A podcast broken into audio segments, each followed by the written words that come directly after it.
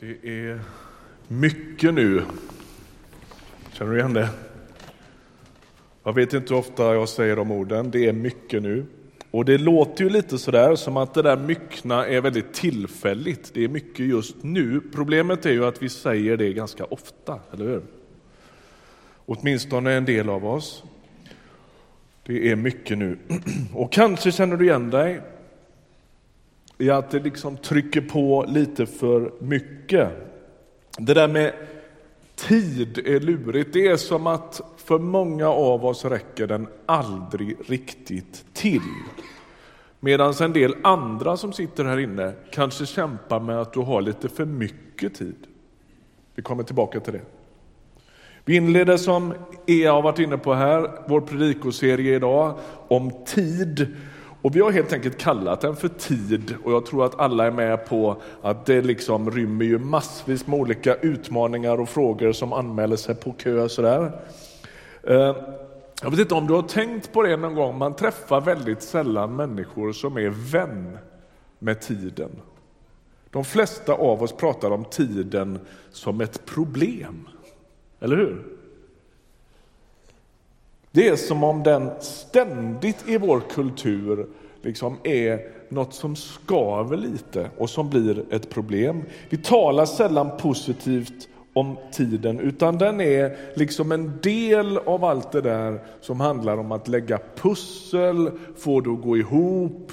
Det är skjutsar, det är stress, det är tvång, det är bråttom och så. va? Någon beskrev det som att ett, modern, eller ett, ett hem av idag i västvärlden, förr kallade man hemmet för en trygg hamn i meningen att hamnen är det där som man liksom drar sig undan till för att få lite lugn och ro. Det blåser inte inne i hamnen och så. Va? Nu skulle man mer kunna likna ett modernt hem vid en flygplats.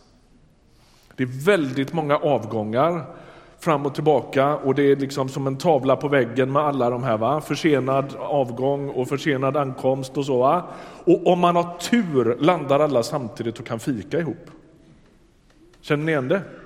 Alltså det är mer den känslan och då blir frågan hur ska vi hantera det här då? En afrikan han sa så här en gång, ni europeer, ni är folket som har många klockor men ingen tid. Det är träffande va? För honom var det tvärtom. Han hade ingen klocka och massa tid. Eller kongoleserna som kom till Sverige och såg hur svenskarna rusade ursinnigt efter en buss. De skrattade så de tårarna rann och de skrattade ännu mer när de förstod att det kommer en exakt likadan buss om 20 minuter. Varför springer de? Va? Det sitter liksom i vårt system, det är bråttom. Detta var obegripligt för de kongolesiska gästerna. Jag var medlem i en församling en gång där en man uttryckte sig så här. Jag har betydligt mer pengar än tid. Vad kostar det att köpa sig fri från städgruppen?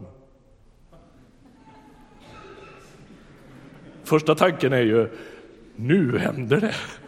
Nu räddar vi hem hela byggkassan. Och nästa tanke är, nej, det är inte till salu. Du borde komma hit.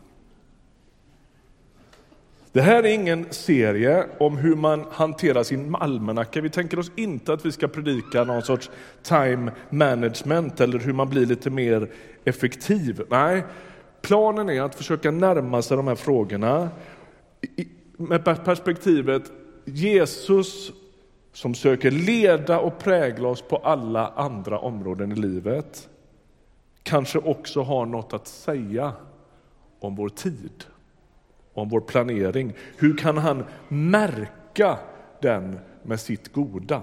Det är frågan.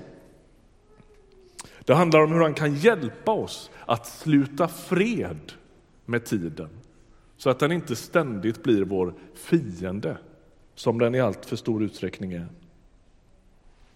Vi som har jobbat med den här serien, vi har haft en text som riktmärke och det är bara en enda vers. Och jag tänkte att jag skulle läsa den tillsammans med er nu. Den är tagen lite ur sitt sammanhang men inte på ett sätt så att vi gör våld på texten. Det handlar om eh, lag och nåd, tvång och frihet, fångenskap och befrielse i den här texten ifrån Andra Korintierbrevet 3, där det står så här. Herren, det är anden, och där Herrens ande är, där är frihet. Där Herrens ande är, där är frihet. Ibland i vår kyrkkultur som en frikyrklig karismatisk miljö så har vi läst den här texten och trott att den handlar primärt om gudstjänstformer. Men det gör den inte i sitt sammanhang utan den handlar om något mycket, mycket mer omfattande i livet. Eh, eh, där Herrens ande är, där smittas livet på alla möjliga olika sätt av frihet. Det är väldigt många som inte tror på det.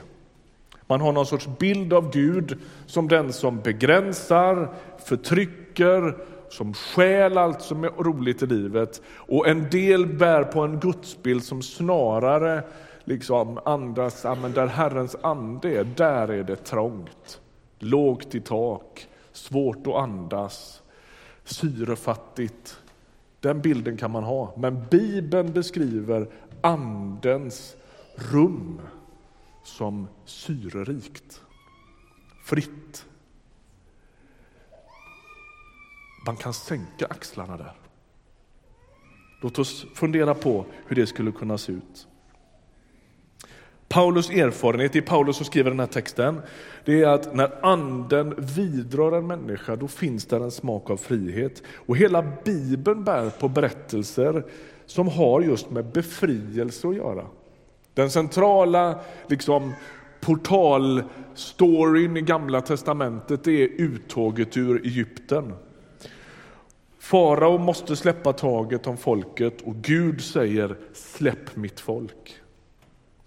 Och de får frihet därför att Gud liksom ropar någon sorts frihet över dem och så tar han dem ut ur faraos våld som har med slaveri och väldigt tydlig fysisk fångenskap att göra. I Nya testamentet där beskrivs frälsning, tron på Jesus som en befrielse som går djupare än friheten ifrån farao och Egypten. Nu handlar det om synd och skuld, om lagens tvång, om självupptagenhet, om människans taffliga försök att rädda sig själv och bygga sin egen meningsfulla tillvaro. Allt det där kommer Jesus och, och liksom rör vid våra liv så att allt det liksom fås av honom. Han kommer med sin ande och med sitt liv och med sin verklighet och ger oss frihet ifrån all jakten på mening, på bekräftelse, på syndaförlåtelse, på identitet, på alla tänkbara skikt i området, så, så, eller i livet, alla områden och skikt i livet, så, så liksom blåser han sin frihet där. Han vill märka våra liv med frihet.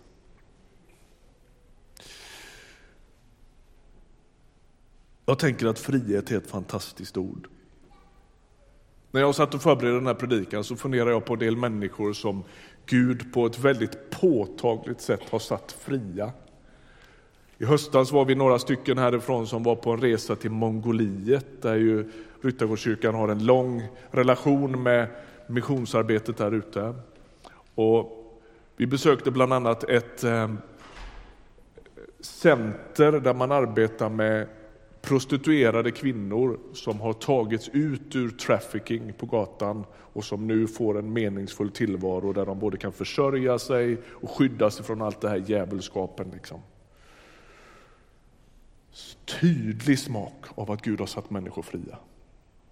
Eller alla de personer jag har mött som har där, där drogmissbruk och ett liv i kriminalitet och elände på Göteborgs gator bröts därför att man kom i närkontakt med Jesus på ett jättetydligt och påtagligt sätt. Jag hörde av en kille häromdagen som liksom berättade, kommer du ihåg mig? Ja, det är klart jag kommer ihåg dig. Han kom till vår bibelskola, jag blev hans övervakare därför att han var fortfarande inte liksom färdig med, sina, med, med sin, eh, med kriminalvården. Och så gick han på vår bibelskola, han hade psykisk ohälsa, han hade knaprat alla tänkbara olika karameller, han hade satt i sig de mest förfärliga gifter i kroppen. Han var nykristen men väldigt kantstött. Kom till vår bibelskola, gick ett år där, träffade en tjej, de gifte sig, han jobbar idag, han fungerar i församlingen, han är ute lite på, på helgerna och predikar om Jesus. Ja, de har tre barn, livet funkar, Gud kan bryta människors fångenskap och sätta människor fria. Är du med? Det är på riktigt. När Jesus smittar livet med sin närvaro, då kan vilka fånge, vilken fångenskap som helst knäckas sönder. Deras erfarenhet, de här kvinnorna i Mongoliet eller grabbarna på gatan i Göteborg eller vart vi nu skulle vända oss. Deras erfarenhet av Gud skulle givetvis beskrivas med alla möjliga olika ord. Och mötena med Jesus såg delvis annorlunda ut. Men alla som var med om att Gud rörde vid deras liv skulle ändå någonstans skriva under på att det där ledde till en större frihet. När Jesus möter människor i evangelierna, de här fyra biografierna om Jesus i början på Nya Testamentet. För dig som är lite ny här i kyrkan och ovan bibelläsare så inleds Nya Testamentet med fyra stycken biografier om Jesus. Då ställer Jesus i de där texterna ofta en fråga och den är så konstig så man undrar varför han gör det. Han som vet allt, det står på ett ställe att han vet av sig själv vad som finns i människornas hjärtan. Han frågar gång på gång, vad vill du att jag ska göra för dig? Och det är en jättekonstig fråga. Varför behöver han få reda på det?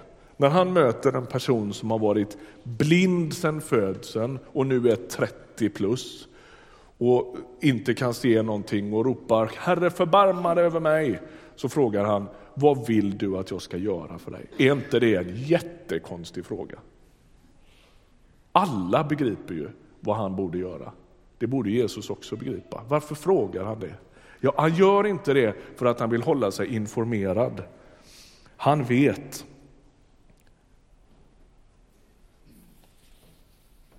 Utan det är som om Jesus försöker hjälpa oss att borra i vår egen längtan. Han lockar oss att loda i våra egna djup och uttrycka vad vill jag egentligen?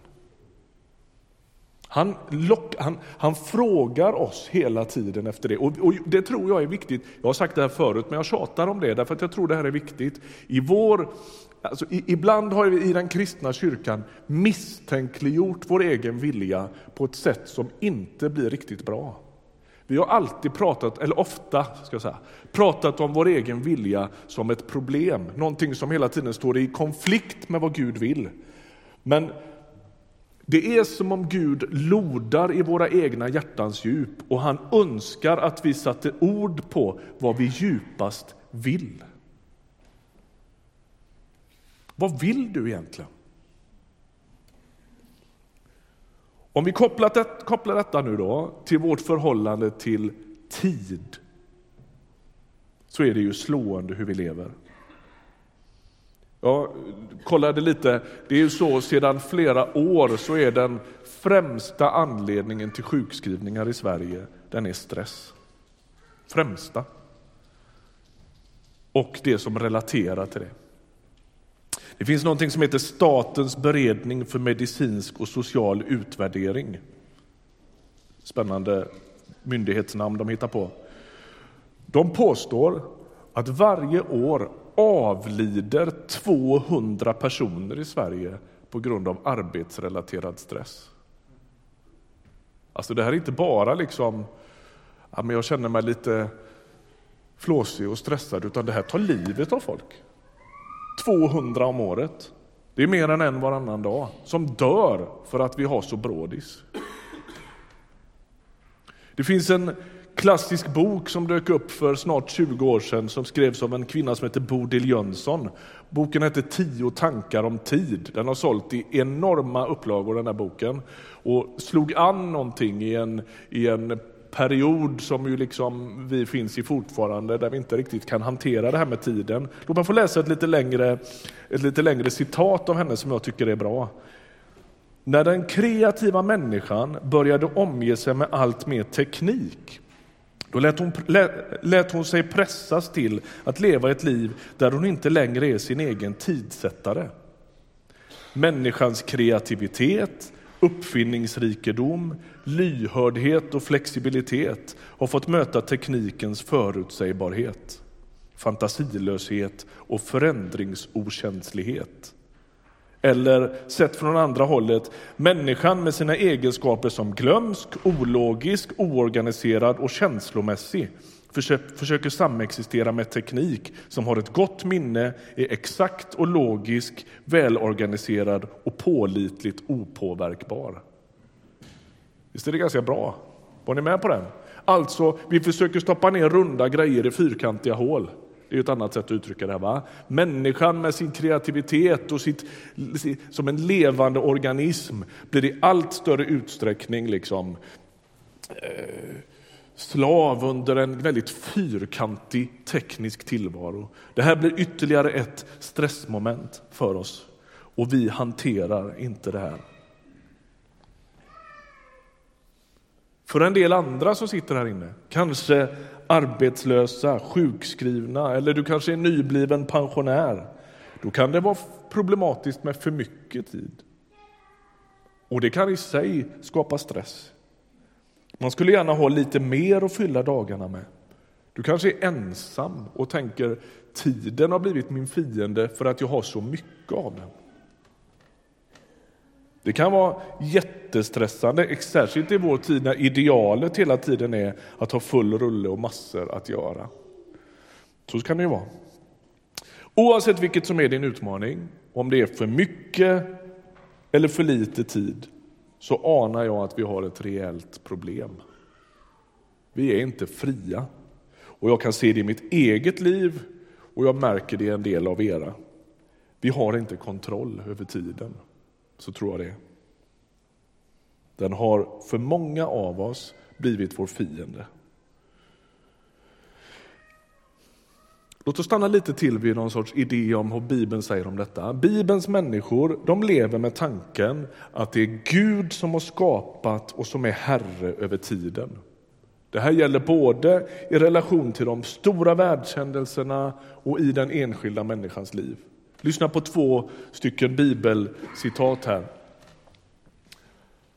Daniels bok. Han låter år och tider skifta, han avsätter kungar och tillsätter kungar. Han ger dem visa deras vishet, de kloka deras förstånd. Och Saltaren 139. Du såg mig innan jag föddes, i din bok var de redan skrivna, de dagar som hade formats innan någon av dem hade grytt. Alltså, både i stort och i mitt lilla enskilda liv så är det som att Gud är den som ytterst skänker tiden och är herre över tiden. Dagens poäng, om du undrar, den är väldigt enkel. Vi talar om tiden som om den var vår fiende och som, den, som om den ständigt är ett problem. Men Gud kallar oss till ett liv i frihet. Och det gäller också i förhållande till tiden och brådskan. Det är liksom poängen idag. Mer fancy än så blir det inte. Gud kallar oss att leva i frihet också i relation till våra kalendrar, vår planering, vår brådska, alltihopa det där. Och jag tänker att Gud, precis som på andra områden, skulle kunna ta oss i handen och hjälpa oss att försonas med tiden. Därigenom skulle vi kunna få smak på en ny frihet eftersom tiden är Guds. Är du med på det? vi lever ju med någon sorts idé om att dagarna liksom tas ifrån oss på något sätt. Va? Man har en sorts eh, bank med dagar, ingen vet riktigt hur många det är, och så äter man av den. Ungefär som sin hushållsbudget. Så här, va? Och det blir allt färre kvar, och det är ju sant, så är det ju. Men grejen är att om Gud finns i min historia, om han finns i min nutid och om han också finns i min framtid, då behöver inte tiden bli min stor, mitt stora hot. Gud finns i din framtid. Du kan försonas med tiden. Han är inte... Du håller inte på att gå ifrån honom, du håller på att gå emot honom. Han finns i din framtid. Han äger den och han finns i all framtid. Niklas Pienso, pastor i Stockholm, han skrev en bok för några år sedan som heter Frid i själen. Och där berättar han en historia om när han själv var sex år gammal och besökte sin mormor. Och på det här besöket så sitter de och fikar i köket och utanför är det en stor gräsyta, allmän gräsyta. Och så kommer det en kvinna med en stor schäfer som inte är kopplad. Och lille Niklas, sex år, han är lite rädd för hundar, så han är lite skeptisk och de tittar på det där och mormor säger, men det här är en jättefin schäfer, ser du vilken pli hon har på hunden och hunden går fot och, och, och sitter fint och, och det, är, det är en jättesnäll hund. Plötsligt rusar en hare över gräsytan. Vad händer då? Denna fantastiska dresserade ordningsamma hund tappar allt och bara fullständigt vräker sig iväg och rusar efter haren. Upp i skogen. Efter en stund kommer haren tillbaka i någon sorts zigzag och hunden efter. Och det är ett hallå utan dess like och denna, hon har inte en chans, hundägaren. Hon ropar och hon härjar och det hjälper inte för hunden har en enda sak för ögonen och det är haren. Är ni med? Vad är det som händer där?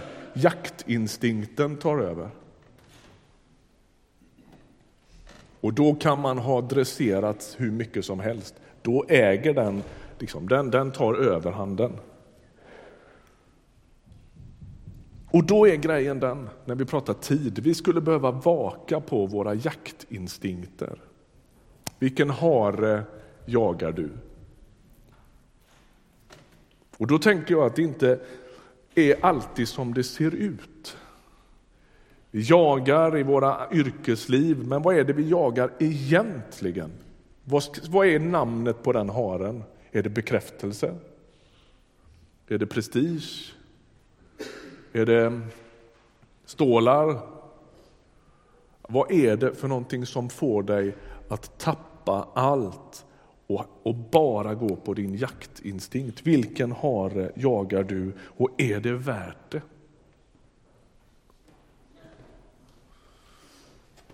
Psalm 90, där står det så här. Lär oss hur få våra dagar är, då vinner vårt hjärta vishet. Alltså i ljuset av vår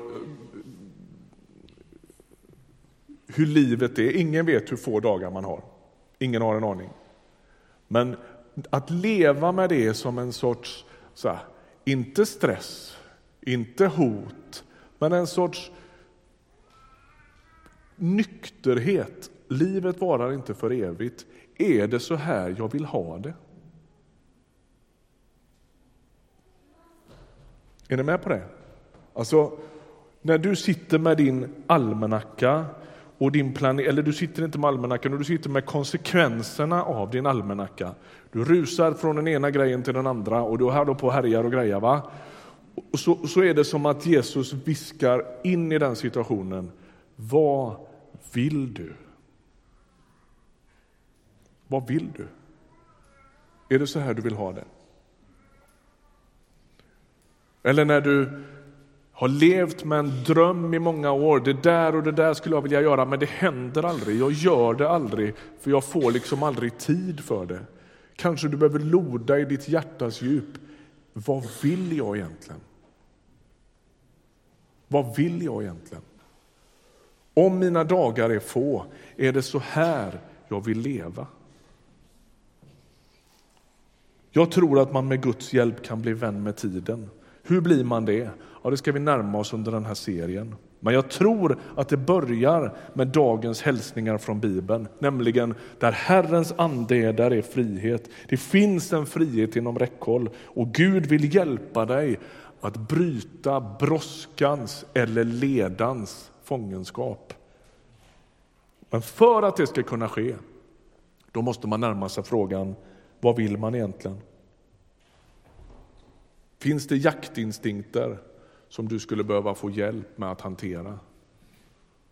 Ett första steg mot att bryta de jaktinstinkterna i ditt liv, det är att sätta ord på dem. Jag gör det av det här skälet. Jag hoppas få ut det här av det. Jag drivs och mina motiv ser ut så här. När du gör det, när du sätter ord på det, då är du halvvägs mot frihet.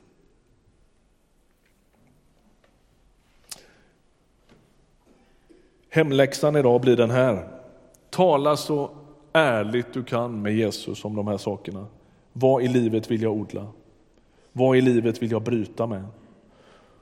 Och jag tänker, om Gud kan befria människor från missbruk, trafficking och egyptisk fångenskap, då kan Andens frihet smitta också din och min vardag. Där Herrens ande är, där är det frihet. Amen. Vi ber tillsammans. Tack Jesus Kristus för att du är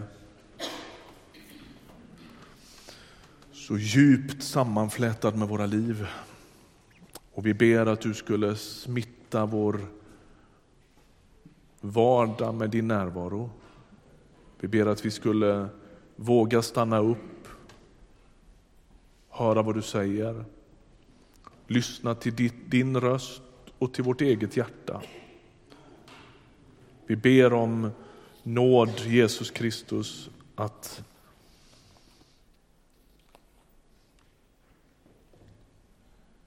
fatta kloka och närvarande beslut.